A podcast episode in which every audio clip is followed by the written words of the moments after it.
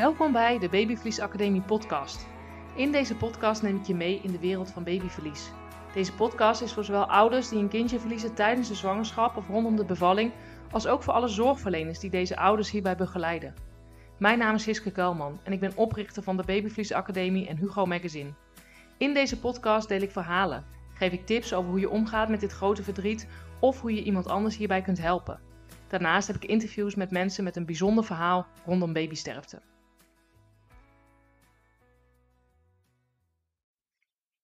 In deze podcast hoor je een opname van het gesprek dat ik had met Jelte Krijnse.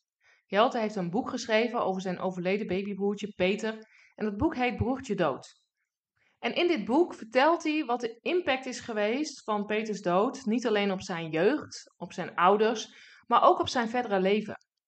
Er wordt tegen mij wel eens gezegd dat ik een taboe doorbreek met het spreken over uh, onze zoon, uh, over babysterfte in het algemeen. En ik vind dat zelf altijd een beetje lastig, omdat ik zie hoeveel aandacht er nu voor is. En dat is zo anders als dat dat 30, 40, 50 jaar geleden was.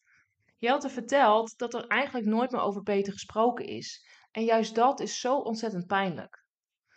Dit gesprek is interessant als je dit zelf uh, vroeger hebt meegemaakt, of misschien een broertje of zusje bent verloren, maar ook als je hier vandaag de dag mee te maken krijgt. Omdat het nog een keer duidelijk maakt hoe belangrijk het is om hier aandacht voor te hebben. Om er wel over te spreken, om herinneringen te maken. En, en het niet letterlijk dood te zwijgen, zoals in het geval van Jelte uh, is gebeurd. Um, het is een gesprek dat ik had via Instagram Live. Dus je hoort af en toe mij zeggen: um, zien jullie mij? Of, of hè, reacties voorlezen. Dus dan weet je waar dat vandaan komt. Maar ik vond het gesprek wel heel waardevol en wil het daarom wel heel graag met jullie delen. Ik hoop dat je er iets aan hebt. Uh, dus dat is ook. Hey, welkom Jelte. Fijn dat je er bent. Ja, dankjewel. Ben ik goed te verstaan, ook voor jou? Ja, prima. Ik heb net geluid wat achter gezet, zo is het helemaal goed. Top. Ik zal mijn eigen geluid iets harder zetten. Want ik hoor mezelf wel heel hard praten. Maar nu hoor ik jou ook goed. Super. Nou, en ja, weet je, ik had in de aankondiging natuurlijk al gezegd uh, uh, ja, waarom we hier uh, vanavond samen zijn. Dat is omdat jij een prachtig boek hebt geschreven, Broertje Dood. Ik heb hem hier voor me liggen. Dankjewel. En ehm, nou ja, dat is natuurlijk de reden dat ik je uitgenodigd heb om vanavond ja, over het boek te, te praten, maar ook over jouw verhaal en, en de reden waarom je dat boek geschreven hebt. Nou, al die dingen, daar uh, ben ik heel nieuwsgierig naar. Dus uh, misschien dat er ook live nog wat vragen komen. Dus als je vragen hebt voor Jelte, stel ze alsjeblieft in de live. Dan, dan kunnen we die meenemen. En mocht je achteraf, mocht je terugkijken en je nog vragen hebben, volgens mij mag je altijd jou een berichtje sturen. En um, doe dat even, broertje dood. Het broertje dood, volgens mij. Dat is het account waarop jij ja, te ja. vinden bent. Goed. Nou, even een kleine introductie. Um, uh, ik heb jouw boek gelezen, uiteraard. En ik moet heel eerlijk zeggen, ik krijg, ja, gezien mijn werk, natuurlijk best wel veel boeken opgestuurd rondom dit thema. En ja. ik kreeg deze van de uitgever opgestuurd, naar aanleiding van een, uh, een, uh, iets wat, waar, ik, waar ik was. En ik, ik, lees niet altijd alle boeken kaft tot kaft, moet ik heel eerlijk bekennen. Want anders dan, dan, dan nou, dat zou me heel veel tijd kosten. Maar deze kwam en iets triggerde me. En hij is ook niet zo dik, dat helpt ook. Ja. Uh, maar, maar ik, ik, ik begon erin en ik kon hem eigenlijk niet meer wegleggen. Ik heb hem echt in één ruk uitgelezen. Omdat het, niet omdat ik dacht, hoe loopt het af? Want dat weet je natuurlijk al vanaf het moment dat je de achterkant leest. Maar wel omdat het op een hele mooie, ontroerende... Ik zat net nog een paar stukjes terug te lezen en het, het raakt gewoon. Dus, mm. dus ja, daarom ben ik heel blij dat je ja, hier vanavond bent om, uh, ja, om hier iets over te vertellen. Ja, nou, ik ben er ook blij mee met de uitnodiging. Dus uh, ja. Zou, zou, je voordat ik van alles hierover ga vertellen, ja, is het natuurlijk veel leuk jij Zou je iets willen vertellen over, of even jezelf kort willen voorstellen? Wie, wie ben je en, en, en waarom zitten we hier? Ja, nou ja, ik, uh, ik ben Jelte en ik heb uh, een liefde voor taal, dat sowieso. En ik kwam er een jaar of vier geleden kwam ik eigenlijk achter van ja, er is iets heel groots gebeurd in 1979. En ja, daar is eigenlijk nooit over gepraat. En ik heb eigenlijk gewoon heel erg de behoefte om daar wel woorden aan te geven. En toen ben ik met mijn pen uh, gewoon woorden gaan geven aan, uh, ja, eigenlijk aan dat gemis en aan dat verdriet. En in eerste instantie ben ik uh, ja, gewoon gaan schrijven met mijn eigen gezin van oorsprong als doelgroep. Want ik wilde gewoon per se ja, dat mijn ouders en mijn oudere broer, dat wij erover zouden gaan praten. En op een of andere manier was een, een de enige manier om, om de deur die, die echt hartstikke op slot zat, om die open te krijgen. Dus dat is een beetje waarom ik ben gaan schrijven. Ja. Het, was, het was dus niet vanuit de bedoeling, ik ga een boek schrijven. Het was meer voor, voor jezelf. Ja, in eerste instantie ben ik gewoon echt gaan schrijven. Dat heb ik ook bij mijn boekpresentatie verteld. Om gewoon heel veel ellende van me af te schrijven. En toen op een gegeven moment kwam ik gewoon achter van, ja, wacht even, dit schrijf ik gewoon eigenlijk gewoon op omdat ik gewoon wil dat mijn ouders en mijn broer van gaan zien dat, dat het mij ook enorm heeft geraakt. Uh, want ik vergelijk een, een, een, een babydood altijd met een, met een soort van. Er slingert een kogel rond in een gezin en die, die raakt iedereen wel een keer in zijn gezicht. En bij mij kwam hij er echt vol middenin, zeg maar. Weet je wel? ik wilde gewoon per se dat ze dat zouden zien. En, en dat we daarover zouden gaan praten. En ja, dit was gewoon de manier om, om dat te bewerkstelligen. Ja, ja de, de kracht van kunst wordt het ook wel genoemd door uh, Geert van Lierop bijvoorbeeld. Die heeft ook een mooi boekje geschreven over verlies van haar vriend. Um, dus ja, um, ja, ik ben heel blij met dat het boekje nu er is. En ja, uiteindelijk ging het steeds verder. Want uh, op een gegeven moment heb ik ook, uh, zeiden mensen tegen mij van, joh, je moet het opsturen aan een uitgever. En toen heb ik het opgestuurd in Amsterdam. Toen belandde bij een redactrice van een uitgeverij en die had zelf ook een babytje verloren. En die zei ook van, joh man, zoveel mensen kunnen hier wat aan hebben en je moet gewoon doorgaan. En toen ben ik doorgegaan en uiteindelijk, uh, ja, uh, ik heb er drie jaar over gedaan, over 93 bladzijden. Ja, nou wat, wat ik heel mooi vind ook, kijk, kijk um, hè, we hebben het er heel vaak over dat er vroeger veel minder aandacht voor was. Hè? En als we kijken hoe dat nu gaat. Nou, ik weet niet of je de huidige verhaallijn in GTST toevallig iets over hebt meegekregen. Daarin wordt ook een beetje stilgeboren. En daar is, nou, als je ziet wat er nu is, ook aan stichtingen. En, en nou, Hugo, onze zoon, overleed zeven jaar geleden. Als ik zie in die zeven jaar wat er al veranderd is, is dat enorm. Kun je nagaan hoe dat veertig jaar uh, uh, geleden was. En, en ondanks dat daar nu heel veel aandacht voor is, is er vind ik jouw boek juist daarin uh, anders, omdat het echt gaat over dat verlies van lang geleden. Hè? En hoeveel impact dat heeft. En ja. vooral ook het verschil met hoe dat nu is ja. en hoe jij dat als kind hebt ervaren. Want, want kun je daar iets over vertellen? Hoe was dat voor jou als kind? Tegenwoordig is het gewoon zo ongelooflijk goed. En die geslotenheid van vroeger is gewoon zo ontzettend slecht. ja. Um, ik, ik heb me ook gewoon. Uh, ik verbaas me er ook over. Hè, 40 jaar is eigenlijk ook maar heel kort. En in 40 jaar tijd is het gewoon radicaal veranderd. Als ik nu zie, ik zie nu op Instagram zie ik fotootjes voorbij komen van, van babylijkjes. Nou, dat is ja. het, de compleet andere kant van 40 jaar geleden. En uh, ja, ik heb me ook uh, uh, enorm verbaasd.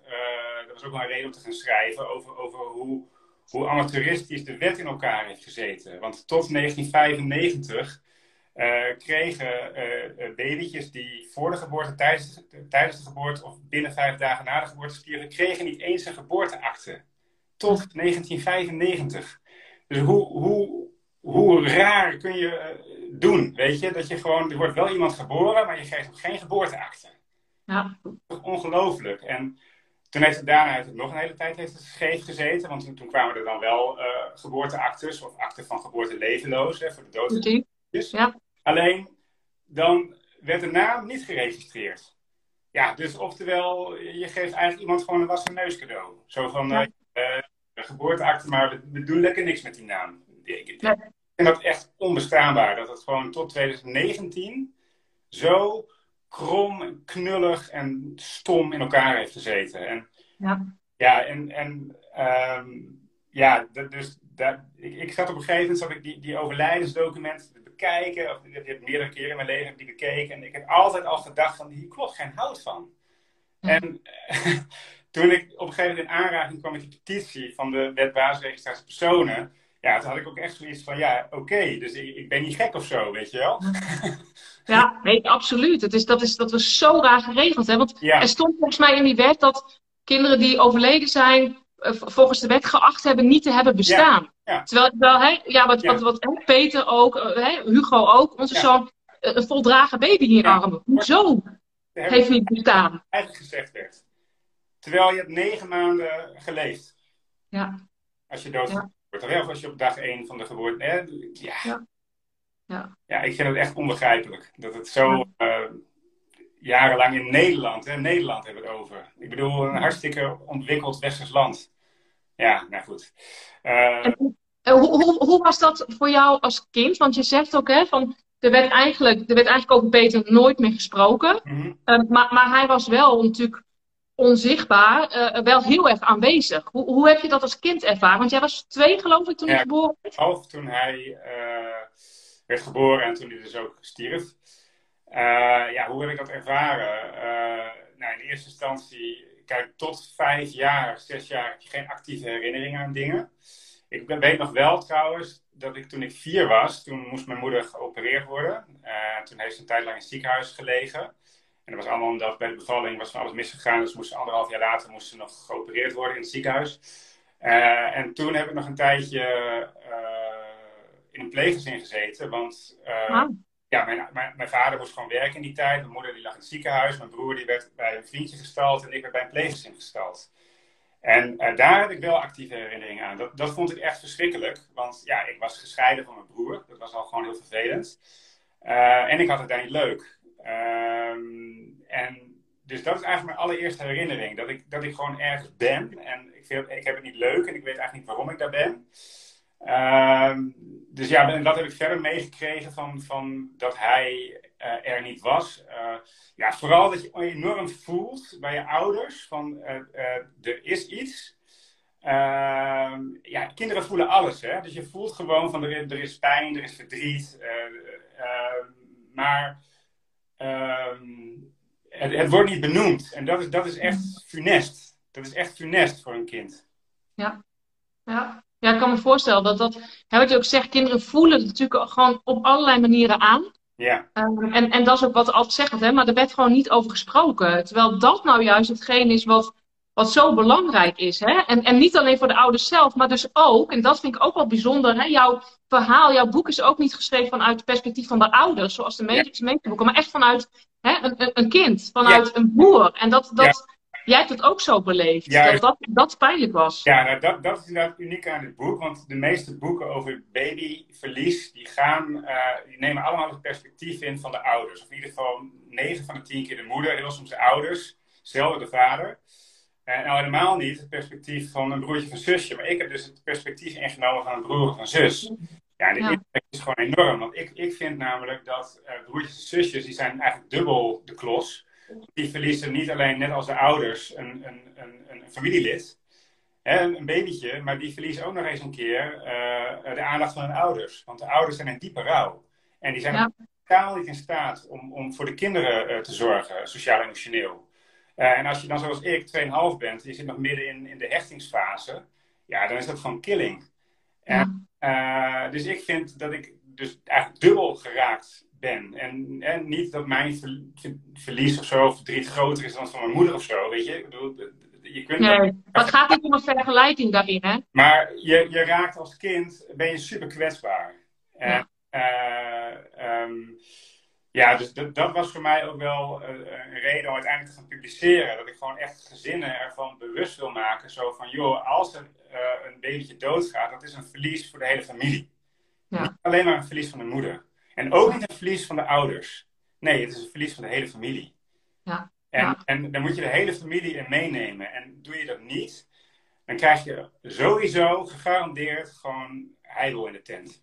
Ja. En dat is bij ons thuis vroeger gebeurd. En, en dat is heel tragisch. Want eh, ja, bij ons heeft het dus gewoon eh 40 jaar geduurd voordat wij weer eens een beetje eh, ja, normaal on speaking terms met elkaar kwamen. En dat allemaal alleen maar vanwege één babytje die een paar uurtjes buiten de baarmoeder heeft geleefd. Ja. ja, Hanan zegt het ook vanuit het diakonessenhuis. Hè? Onderken niet de emotie die je voelt als kind. Hoe klein je ook bent, Mhm. hè, voelen kinderen die emoties natuurlijk haarfijn aan. En, Ja. ehm, dus dat is wat jij ook zegt. Hoe zou, hoe zou jij, hè, als, je, als je nu terugkijkt, en misschien is het lastig hoor, maar wa- wat zou geholpen hebben? Of hè, op welke manier zou je zeggen, hè, wat zou nu goed zijn om, om, om die kinderen er wel bij te betrekken? Heb je daar ideeën over? Ehm, ja, weet je, eh, ik, ik vind dat, dat, dat eh, psychologen zouden veel meer eh, dingen vanuit het familiesysteem moeten benaderen. Want ik ben, nou, op mijn, ik bezocht op mijn 24 voor het eerst een psycholoog. Ik heb tussen mijn 24 en nu, ik ben nu 45, heb ik wel vier, vijf psychologen gehad. En eh, ja, daar ga je heen, want je voelt je kloten. Dus hè, dat is mijn, was mijn reden om erheen te gaan. En dan iedere keer, nou, dan gaat het hetzelfde. Uh, je, ze vragen bij de intake naar je familie. Nou, je vertelt, ik heb een vader, een moeder, een broer. Ik heb ook nog een broertje gehad. En dan krijg je te horen van, oh, wat sneu voor je ouders. Ja. ja. denk ik van, ja, hou maar op. denk ik nu, hè? Weet je wel? Met ja. ja. En uh, dus ik vind gewoon dat psychologen gewoon veel meer... Het moet gelijk een alarmbel gaan rinkelen. Als er bij de intake wordt verteld van... er is een broertje of een zusje gestorven in onze familie. Want daar moet je gewoon... Kijk, wat, wat het is, dat is dat je kan elkaar vinden als familie in een gedeeld verlies. Ja, absoluut. Dat is waarom ook het, derde hoofdstuk van het boek zo mooi is. Want iedereen die ik spreek zegt ook van man, vooral het derde hoofdstuk vond ik gewoon fantastisch. Dan heb ik het gewoon niet droog gehouden, weet je wel. En dat is omdat het gewoon, daar gaat het om. Je, je vindt elkaar weer in, in, in hè, dat, dit bindt ons, zijn verlies. Maar als je daar dus geen aandacht aan besteedt, dan vind je dus ook geen verbinding met elkaar. En uh, ja, dus, maar om even terug te komen op je vraag van hoe, hoe, hoe kun je dat nu beter doen? Uh, ja, maak mensen ervan bewust dat een babyverlies of een kindverlies, hè, of dat ieder verlies is nooit iets individueels. En uh, uh, waar ik trouwens ook wel achter ben gekomen, is dat er zijn ook slechte hulpverleners. ja, weet je, ik bedoel, ga maar ja. En zoek maar eens gewoon de tuchtuitspraken op, weet je wel, tegen psychologen en dergelijke. Mijn moeder heeft ooit een psycholoog gehad en die heeft letterlijk tegen haar gezegd: Het is jouw verlies. Nou, als, ik als je daarover nadenkt, dat is toch ongelooflijk? Ik bedoel, daarmee versterkt hij alleen maar de eenzaamheid. Ja, absoluut. Ja, ja en, en, dat natuurlijk, hè, je, je ziet ook wel dat ook psychologen en ook hulpverlening hè, daar nu ook wel weer anders in zit dan toen. Maar wat jij zegt mhm. vind ik wel heel mooi, hè, om, om die, hè, dat systemisch werk, hè, familieopstellingen, Um, ja, wat, wat soms een beetje weggezet wordt als zweverig of als hè, van ah, hè, niet zo, uh, het is niet belangrijk. Maar hoe, hoe, hoe belangrijk dat dus wel is. En het feit dat daar dus geen aandacht voor is.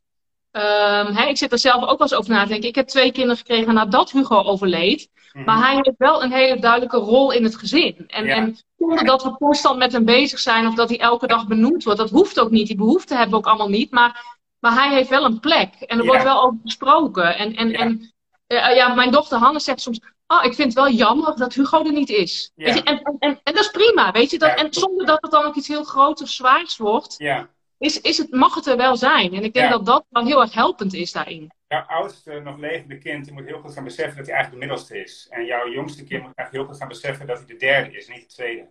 Ja. want die ordening is gewoon zo belangrijk. En ik, die, die wet basisregistratiepersoon is eigenlijk de eerste systemische wet in Nederland. En uh, in feite is het toen tegen mij gezegd, toen we hem, hem hebben ingeschreven van uh, Jelte, jij bent niet de jongste, jij bent de middelste. Want ik heb een oudere broer en Peter kwam na mij. En ik heb me altijd niet op mijn plek gevoeld. Ja. Uh, het is gewoon pure miskenning. Hè? Als je tegen een moeder zegt van jouw kind verdient geen naam. Jouw kind verdient geen plek. Dat is pure miskenning. Maar voor mij was het net zo goed miskenning. Want tegen mij werd eigenlijk gewoon gezegd, ja, jij bent de jongste. Ik ben helemaal niet de jongste. Er staat er iemand onder mij. Ja. Ja, ja, jij beschrijft het ook in je boek. Ik had hem opgeschreven ook als, ja, als quote, zeg maar. Wat, ik, wat me heel erg raakte. Hè, ik ben niet de jongste van twee, maar de middelste van drie. Ja, precies. En, en dat beschrijft zo mooi dat wat jij nu zegt. Ja. En hoe belangrijk dat is. Ja, ja. Dus het is, het is uh, zo goed dat die wet is, is aangepast. En uh, ik vind ook dat iedereen moet daar gewoon gebruik van maken. Ja. Hè? Uh, ja, dus... dus um, ja, dat die petitie in 2016 er geweest is en dat die wet is aangepast eind 2018 en dat, dat je per 4 februari 2019 die kindjes kan inschrijven, ja, dat is gewoon fantastisch.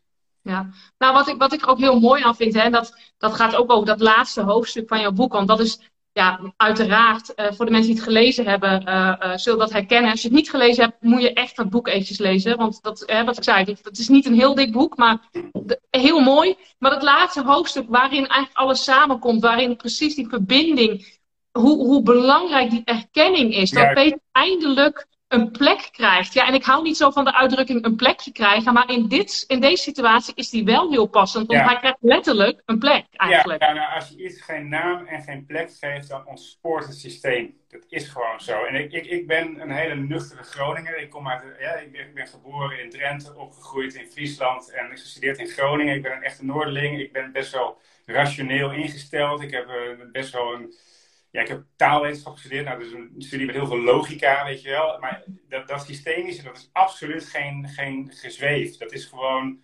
gewoon uh, ja, dat klopt. Weet je, dat, ja. ja. En, maar misschien dat je dat pas kunt erkennen of beamen als je het hebt ervaren. Maar, hè, maar daarin hoop ik ook gewoon dat mijn boekje helpt. Hè? als je het hebt gelezen, dat je denkt van ja, verrek. Er zit er echt wel wat in. Ja, wat, wat, ik, wat ik mooi vind aan, aan, aan jouw boek is ook dat het, dat het helpend is voor mensen die het lang geleden hebben meegemaakt. Dat het ook aangeeft, hè, wat kan het nog doen om die erkenning toch te doen? Want ik hoor wel eens van mensen zeggen, ja, nu na 40 jaar, waarom, waarom zou ik dat nu nog doen? En terwijl, ja, eigenlijk beschrijf jij heel mooi hoe belangrijk dat is, maar ook voor gezinnen nu. Ook voor, voor ja. hè, zorgverleners nu. Om ook de, te erkennen hoe belangrijk dat is. En, en, en daarnaast, eigenlijk het tweede wat je doet, is het betrekken inderdaad van die broertjes en zusjes erbij. Hè? Ik zie ook Hanan zeggen, hè, van wat ik mega belangrijk vind, is ook om dat te benoemen na de bevalling. Sommige ouders willen het verdriet graag in het ziekenhuis houden, maar dat bestaat gewoon niet. Direct goede begeleiding is belangrijk erin. En ik denk dat dat zeker. want, want toen het ons overkwam, wij hadden, wij hadden toen nog geen kinderen, maar we hadden ook geen idee. Hè? Je, je komt in zo'n situatie en ja, weet je, nu heb ik er honderd boeken over gelezen en weet ik van alles van. Maar toen had ik ook geen idee. Dus ik denk ook dat het belangrijk is dat je inderdaad mensen om je heen hebt, ook zorgverleners, die je daarop wijzen. En ja. ik spreek ook wel eens ouders die het meemaken en die zeggen precies hetzelfde. Nou, hè, die kinderen laten we maar thuis. En ik zeg, nou, dat zou ik juist niet doen. Ik zou ze er juist bij betrekken. Hoe, want, ja. dat is belangrijk. Mijn ouders hebben ook gedacht van ja, we belasten ze er maar niet mee. Precies. Maar ja. dat heb ik ook tegen de Gelderlander gezegd. En ook bij Vereniging Ouders Overleden Kind. Juist door ons te ontzien werden wij belast. Want uh, hè, uh, als jij uh, als moeder ja, het, het, verdriet bij jezelf houdt, dan, dan, dan, dan trek je een soort van muur op. En... Heb je dat als kind ook zo gevoeld? Ja, ja, absoluut. Absoluut. Gewoon een onbereikbare moeder. Ja. En Dat... Is, is, was dat je hele jeugd of was dat een periode? Ja, nee, dat is eigenlijk en, en nog steeds wel hoor. Ik, ik, ik geef de relatie nu wel een 6 of een 7. Maar tot 2019 is het altijd gewoon een hele dikke onvoldoende geweest. En dat zal zij ook erkennen. Ja, en, en dat is, is dus, super tragisch, hè? want dan verliest een moeder, die verliest dus een kind maar ze verliest eigenlijk ook nog het contact uh, met haar nog levende kinderen. Doordat ze het verdriet bij zichzelf houdt. Want daardoor uh, trek je muren op. Je kan juist, verdriet moet je samen delen. Ja. ja. Eigenlijk, wat, wat je nu zegt, het, wat je zegt is ook heel tragisch. Hè? Want, want het Peterverlies is inderdaad heel tragisch. Maar eigenlijk hè, is jullie op een bepaalde manier ook verloren daarin. En dus, dus, dus die impact die dat heeft gehad, die, die is enorm. Eigenlijk op haar hele leven. Ja, dat, dat is echt uh, dat is heel triest. Dat is echt heel triest. Goede rouwbegeleiding, eh, goede begeleiding direct na de bevalling is enorm belangrijk. En daarin moet gewoon... Was jouw jeugd anders geweest als jouw moeder beter begeleid was, denk je? Ja, absoluut, absoluut, absoluut. Ja, gewoon 300% zeker. Ja. ja, kun je nagaan, hè? Ja. Hoe belangrijk dat is. Dat is ja. echt... Ja, ja, je, je, je, je, je moet gelijk uh, duidelijk maken van, uh, joh, uh, hier kom je alleen samen overheen door er gezamenlijk aandacht aan te besteden. Ja. En dan moet je niet alleen leren. Annemiek, die kijkt ook mee. Annemiek ken ik al, al een tijdje, die is ook rouwdeskundige. En die zegt ook, hè, je kan niet op je plek in het systeem gaan staan als je niet weet hoeveel plekken er zijn. Hey, dat, dat klopt. Dus, dus ja. ja. Dus, ja. Ja. ja, absoluut. Hey, hoe, hoe was het voor uh, voor jouw ouders om. Uh, nou, dat, dat, jij, dat jij hiermee bezig ging. Dat jij op zoek ging naar het verhaal. En zelfs daar ook nog een boek ging over publiceren. Wat iedereen zou lezen. Ik kan me voorstellen dat als je zo lang dit ja, weggestopt hebt. Dat dat best heftig is. Ja, nou ja, goed. Het, is, voor hun natuurlijk ook een proces geweest. Hè. In eerste instantie uh, ja, liep ik ook nog helemaal niet rond met het idee om te publiceren. Totdat mensen tegen me zeiden van... Hé hey man, hier kunnen heel veel mensen wat aan hebben. En zij, op een gegeven moment gunnen ze mij het ook wel. Want, uh, weet je, uh, het heeft, uiteindelijk heeft het ons gezin ook heel veel gebracht dat ik dit allemaal heb gedaan. Dus ze zijn ook wel heel blij eigenlijk uh, met ja, wat ik heb gedaan. Ja, ja en um, ja, ze hadden ook wel wat goed te maken. Ja, kijk, weet je, er zijn gewoon dingen gebeurd. Ik, ik ga niet te veel in detail treden, maar mijn vader die had wel wat meer mogen reflecteren op bepaalde handelingen die hij heeft verricht in het verleden. En op een gegeven moment heeft hij ook wel erkend van ja, joh, joh bepaalde dingen waren gewoon echt het gevolg van het verlies van Peter. En ik, ik heb gewoon onvoldoende stilgestaan bij uh, ja, wat ik heb aangericht. En op een gegeven moment gunde die het mij ook wel dat ik dan gewoon ja, mijn boek mocht publiceren. wat, wat, wat ik ook in jouw boek las, was dat nou, jouw vader eigenlijk 40 jaar lang daar zich niet over uitte, of, of hè, daar ook niet nee. over zei, dat hij jou op een bepaald moment opbelde en toen eigenlijk heel hard moest huilen. Ja. En dat raakte me ook heel erg. Kun je, ja, kun je ja. iets over vertellen? die raakte mijn redactrice ook. En die raakte de uitgever ook heel, heel enorm toen hij, toen hij voor het eerst manuscript las. Uh, ja, hij heeft gewoon 40 jaar lang gewoon iets weggestopt. En uh, toen hij mij opbelde, had hij net een versie van mijn manuscript gelezen. Waarin ik had, die niet in de definitieve versies beland, maar waarin ik beschrijf hoe kloot ik me heb gevoeld toen ik in het pleeggezin zat. Dus uh, ja, daar was hij gewoon.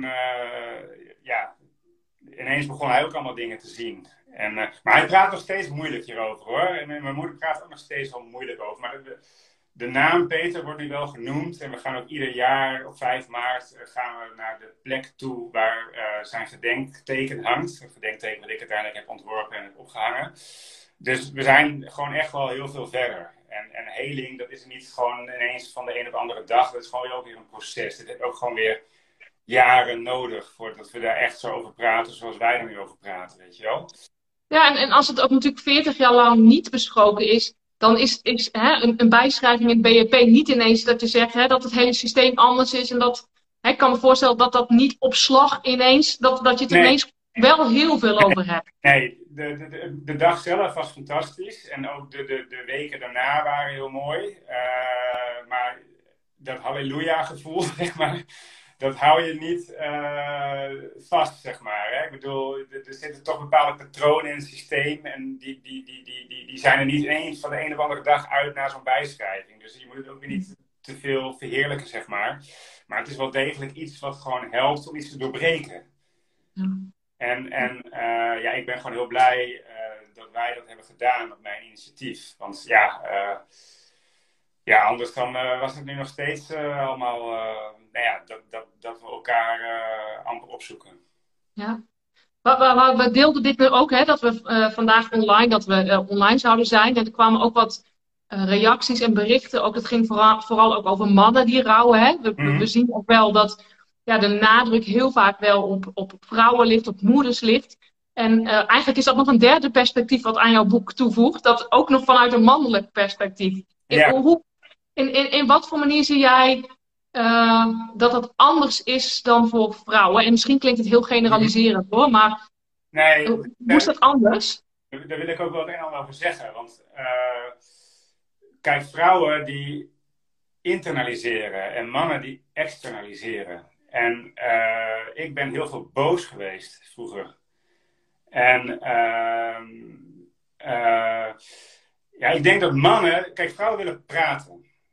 Ja. Oké, prima, weet je. Uh, maar mannen willen gewoon iets doen. En uh, ik wilde gewoon, uh, gewoon een gedenkteken ophangen, een bos bloemen neerleggen. En nou ja, daarna drinken we een biertje. En dat, gewoon iets doen. En, ja. dat, dat en dan komt het gesprek vanzelf wel.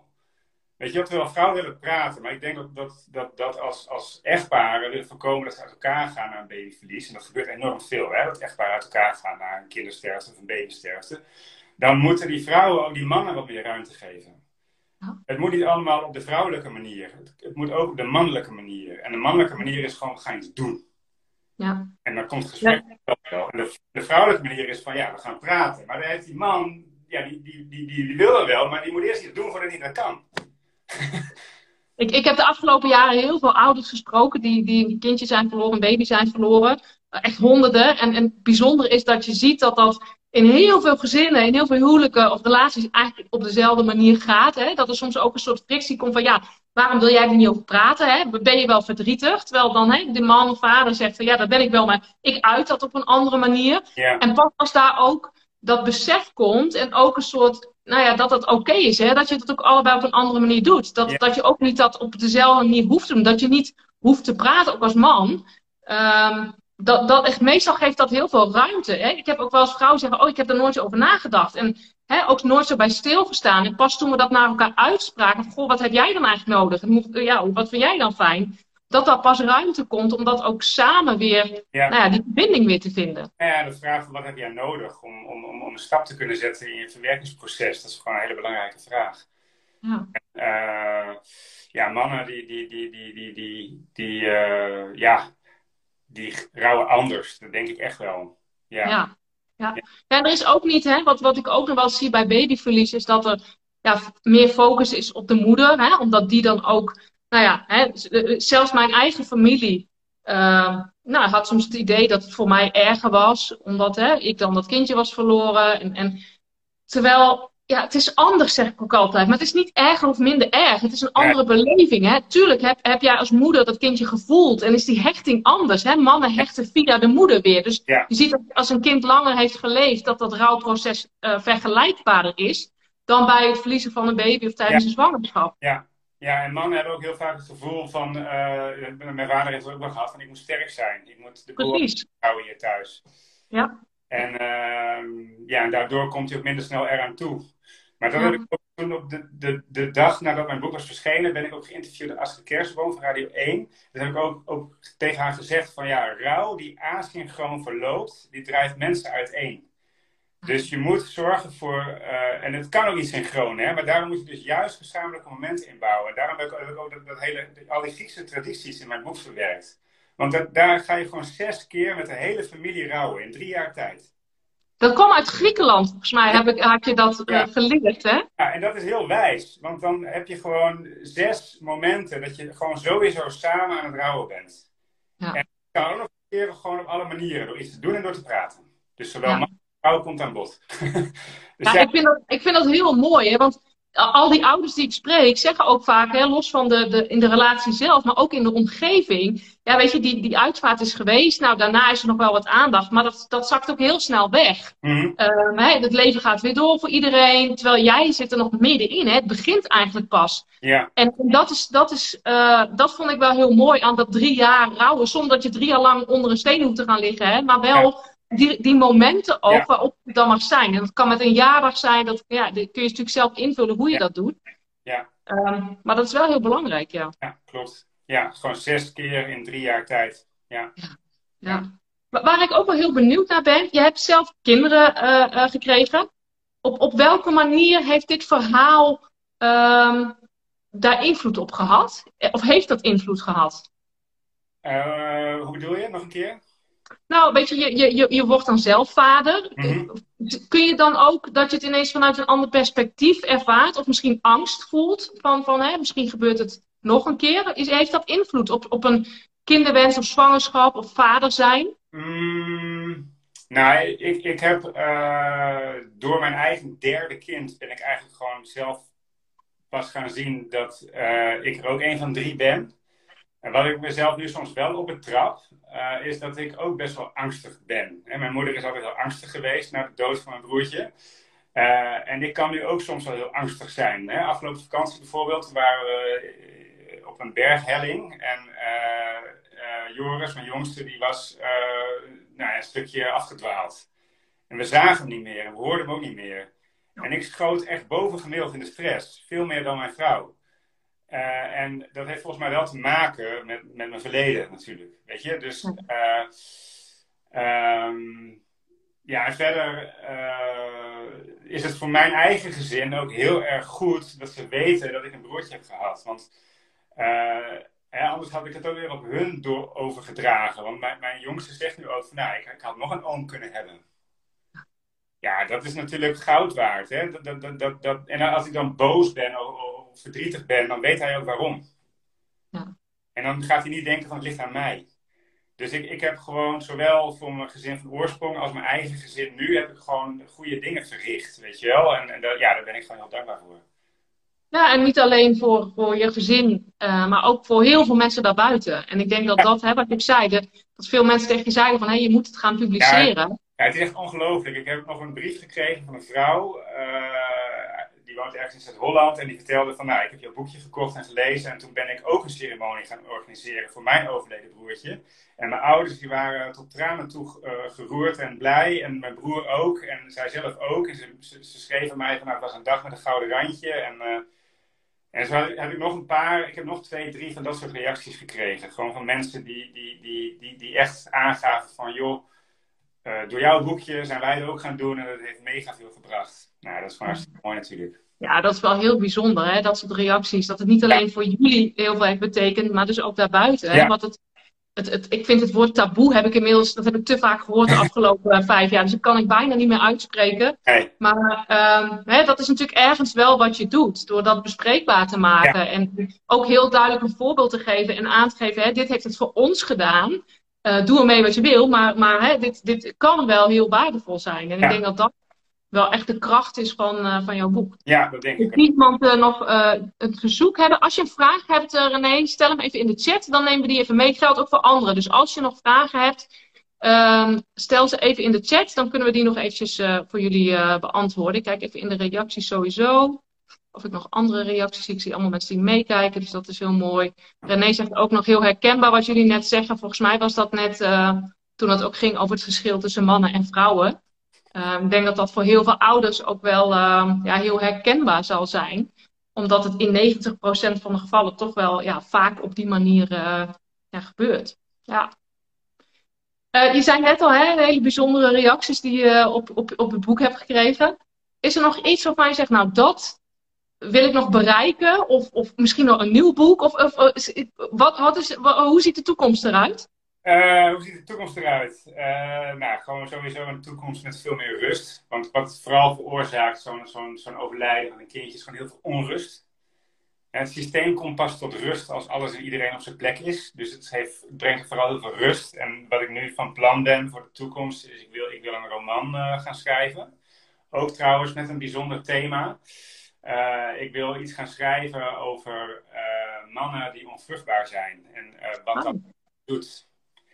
Uh, ja. En uh, ik denk nou dat er heel veel verslavingen, alcoholverslavingen en drugsverslavingen, dat die zijn bij mannen, dat die zijn terug te voeren op een verlies of op een verdriet. En uh, ja, mannen en, en, en, en onvruchtbaarheid, dat is ook een taboe, om dan dat woord maar even in de mond te nemen. En daar wil ik over schrijven. Ja, ik kan me voorstellen, dat is niet iets wat je aan de koffietafel uh, vertelt, denk ik. Ja, ik. Heb een heel mooi verhaal in mijn hoofd. ik heb in Griekenland, ik heb meerdere seizoenen in Griekenland gewerkt. En ik heb in Griekenland ook een tijd een. Uh, ja, nee, ik moet een beetje voorzichtig zijn wat ik zeg. Maar ik heb daar uh, gewoon gezien wat het doet met mannen als ze onvruchtbaar zijn. Uh, en ehm, er was een man en die had. zijn relatie ging stuk en toen kreeg. Die, zijn ex kreeg wel een kind met een ander. Nou, en dat veroorzaakte gewoon een, uh, nou, zoveel ellende. Uh, nou, ik heb nu een verhaal in mijn hoofd en dat wil ik de komende vijf, zes, zeven jaar gaan opschrijven. Mooi, ja.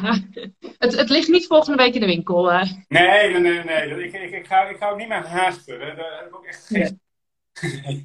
Nee. mooi. Annemiek zegt ook, wauw, mooi zeg. Ja, ik denk dat het een thema is wat, uh, ja, heel belangrijk is ook om, uh, om bespreekbaar te maken. Het is ook een ja. woord dat ik eigenlijk niet meer kan, kan, kan horen, het woord bespreekbaar. Maar het is wel, het is wel waar het natuurlijk over gaat. En wat, wat jij doet, wat, wat ik in mijn werk natuurlijk ook veel doe. Het is toch een soort bespreekbaarheid maken. Goed. Hey, zijn er nog dingen, Jelte, van je zegt, nou dat wil ik echt nog zeggen, of dat moet ik nog even kwijt, of dat hebben we nog niet besproken? Nee, weet je, ik, ik, ik vind het uh, gewoon uh, belangrijk dat er beseft wordt dat broertjes en zusjes dat die ook de klos zijn. Want uh, ja, ik, ik, hoor dat van iedereen die broers en zussen heeft verloren, van de aandacht gaat al zo snel uit naar de ouders of naar de moeder. En als het een ouder kind is dat is overleden, dan gaat al de aandacht al heel snel uit naar de, de, de, de kinderen van de overleden persoon, of zijn het haar partner of de ouders. Maar broertjes en zusjes, ja, weet je, de, die, ik zie het nu bij de drie van mij, dat, dat, is gewoon één unit, weet je. Die, ze zijn elf, 10 en 8. Dus ze zitten super kort op elkaar. En ze, weet je, ze, ze, brengen zoveel tijd met elkaar door. En als daar dan één van wegvalt, dat heeft gewoon zoveel impact. En er moet gewoon uh, bij kindersterfte gewoon veel meer aandacht uit naar de broertjes en de zusjes. En dat is een beetje ja, mijn, mijn missie, dat, dat die niet vergeten worden, de broertjes en de zusjes. Mooi. Mooi, mooi met afsluiten. Goed. Nou, dit is het boek, Broertje Dood. Uh, vertel eventjes, waar kunnen mensen het bestellen als ze het nog niet in huis hebben? Wat ik me niet kan voorstellen, maar je weet het nooit. Ja, de uitgever wordt altijd heel blij als de bestellingen rechtstreeks bij Growing Stories worden geplaatst. growingstories.nl Maar het kan ook bij Bruna, bij bol.com. Uh, dus uh, ja, wat je wil. En vergeet ook de lokale boekhandel niet, want die moet ook blijven bestaan. Dus loop daar gewoon heen, want iedere boekhandel in Nederland kan hem gewoon bestellen. Top. Goed. Hey, dankjewel. Ik zie ook al wat bedankjes in de chat voorbij komen. Bedankt voor je openheid. Ik zal en nam het al mee in mijn mooie baan. Heel goed. Oké, voor degenen die het een stukje hebben gemist aan het begin en die nu zitten te kijken, uh, ik ga hem uploaden, dus dan kun je het hele gesprek uh, terugkijken. Jelte, ontzettend bedankt ja. voor inderdaad je openheid, dat wat jij bespreekbaar maakt, dat taboe. Uh, ontzettend mooi uh, hoe je dat hebt gedaan. Dankjewel voor dit prachtige boek. Ik vind het echt absoluut een aanvulling op alles wat er al is. Dus uh, dank je wel daarvoor. Dankjewel. Fijne avond allemaal. Ja, Doeg. Hoi, hoi. Doeg.